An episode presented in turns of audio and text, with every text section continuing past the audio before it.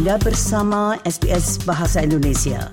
Dapatkan lebih banyak lagi cerita bagus di sbs.com.au garis miring Indonesia.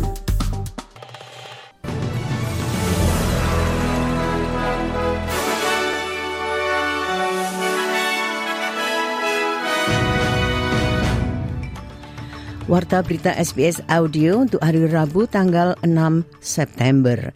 Sari berita penting hari ini, perekonomian Australia hanya tumbuh sebesar 0,4 persen pada kuartal terakhir. Perdana Menteri Albanese meluncurkan strategi ekonomi Asia Tenggara Australia hingga tahun 2040 dan Komite Senat telah merekomendasikan pemerintah federal untuk mengembangkan strategi nasional guna mengurangi gar otak dalam olahraga kontak. Berita selengkapnya. Bendahara Jim Chalmers menghubungkan lambatnya pertumbuhan ekonomi Australia pada kuartal Juni dengan permasalahan dalam perekonomian global, khususnya perlambatan ekonomi di Tiongkok. Perekonomian Australia tumbuh sebesar 0,4 persen pada kuartal bulan Juni. Uh, so all up, uh, this is a steady and a sturdy result in difficult circumstances.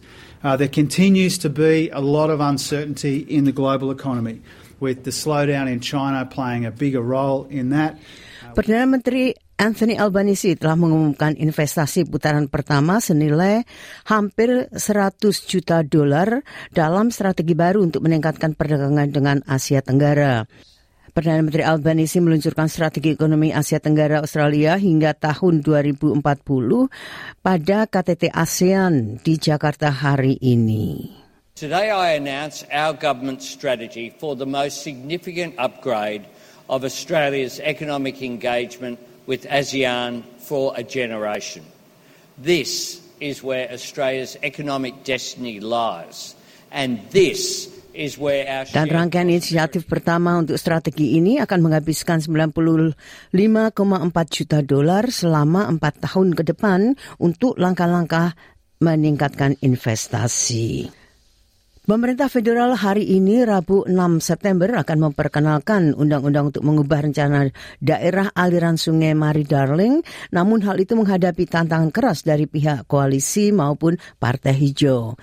Partai koalisi menginginkan penyelidikan terhadap undang-undang tersebut dan sebuah komite untuk mengunjungi masyarakat yang terkena dampak.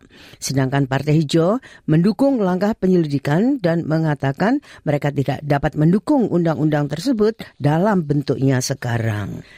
Para peneliti telah menemukan bahwa air hujan di Australia dipenuhi dengan partikel-partikel kecil beracun yang dikeluarkan oleh ban mobil.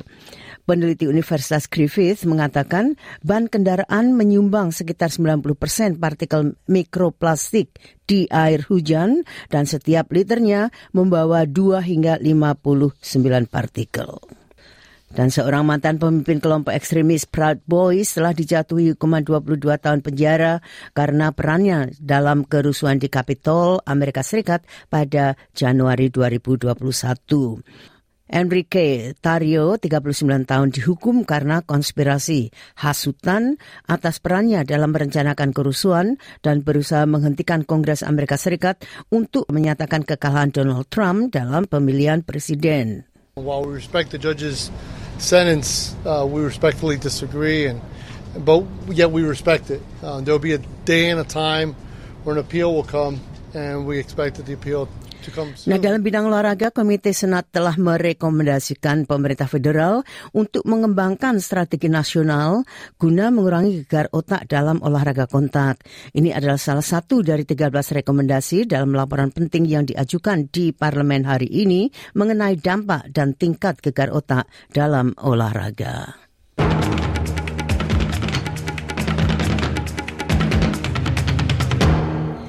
Nah sekali lagi sari berita penting hari ini perekonomian Australia hanya tumbuh sebesar 0,4 persen pada kuartal terakhir.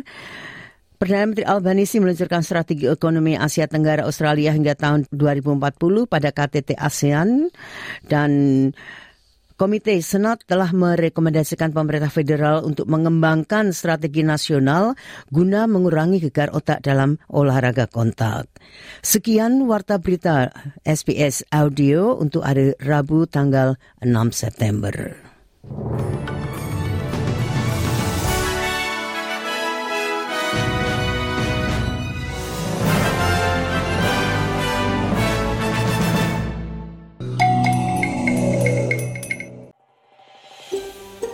Anda ingin mendengar cerita-cerita seperti ini?